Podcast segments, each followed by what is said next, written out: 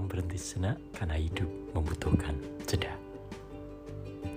Halo teman-temanku yang terkasih, ketemu lagi di podcast saya, podcast berhenti sejenak.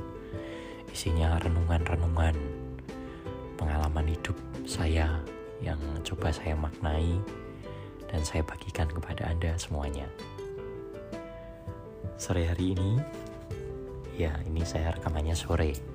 Hari ini gitu saja ya.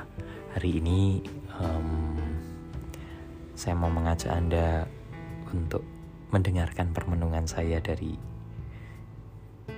Yesaya bab 49 ayat 8 sampai 15. Saya kutipkan saja bagian akhir dari perikop ini.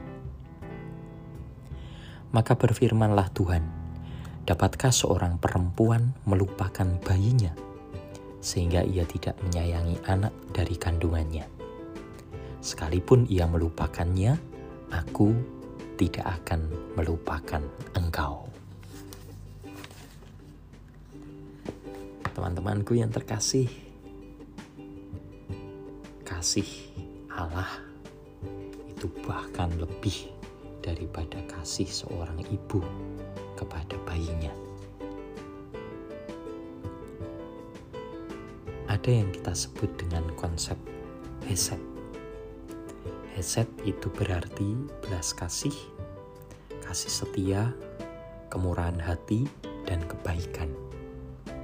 Dan inilah sifat dan karakter Allah. Hesed, belas kasih, kasih setia, kemurahan hati, dan kebaikan. Allah pasti mengampuni kalau orang bersedia datang untuk mengakui kesalahan dan memperbaikinya. Itulah belas kasih Allah yang dianugerahkan kepada kita kalau kita mau berbalik kepada Allah dan membangun semangat tobat. Ada sebuah cerita kecil pada suatu ketika ada seorang pencuri yang sangat terkenal. Hampir tiap minggu dia berhasil mencuri Suatu hari ia pun sukses mencuri seekor bebek. Karena sangat menyesal, entah karena apa, ia datang kepada imam untuk mengaku dosa. Kata pencuri, Romo, ampunilah saya. Saya kemarin telah mencuri bebek, maafkan saya Romo. Romo mengatakan Tuhan pasti mengampunimu. Lalu pencuri itu mengatakan kembali, lalu apa yang harus saya lakukan pada bebek curian saya? Kata Romo, kembalikan bebek itu pada pemiliknya. Si pencuri bertanya, maukah Romo mengambil bebek ini? Romo mengatakan tidak. Sudah saya bilang kembalikan pada pemiliknya. Pencuri berkata lagi, jadi Romo tidak mau menerima. Romo menjawab sekali tidak, tetap tidak. Benar nih, kata Romo. Iya, betul.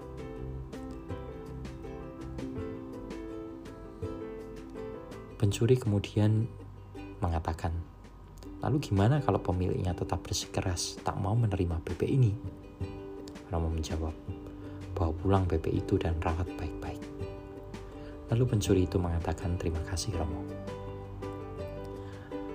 Setelah pengakuan dosa, Romo balik ke pastoran dan ia melihat kandang bebek di belakang pastoran. Ternyata bebeknya hilang satu. Teman-temanku yang terkasih, membangun semangat tobat tentu tidak hanya berhenti mengakuinya, tetapi kemudian juga memperbaikinya. Tetapi lebih daripada itu, Allah yang kita kasih adalah Allah yang berbelas kasih kepada kita.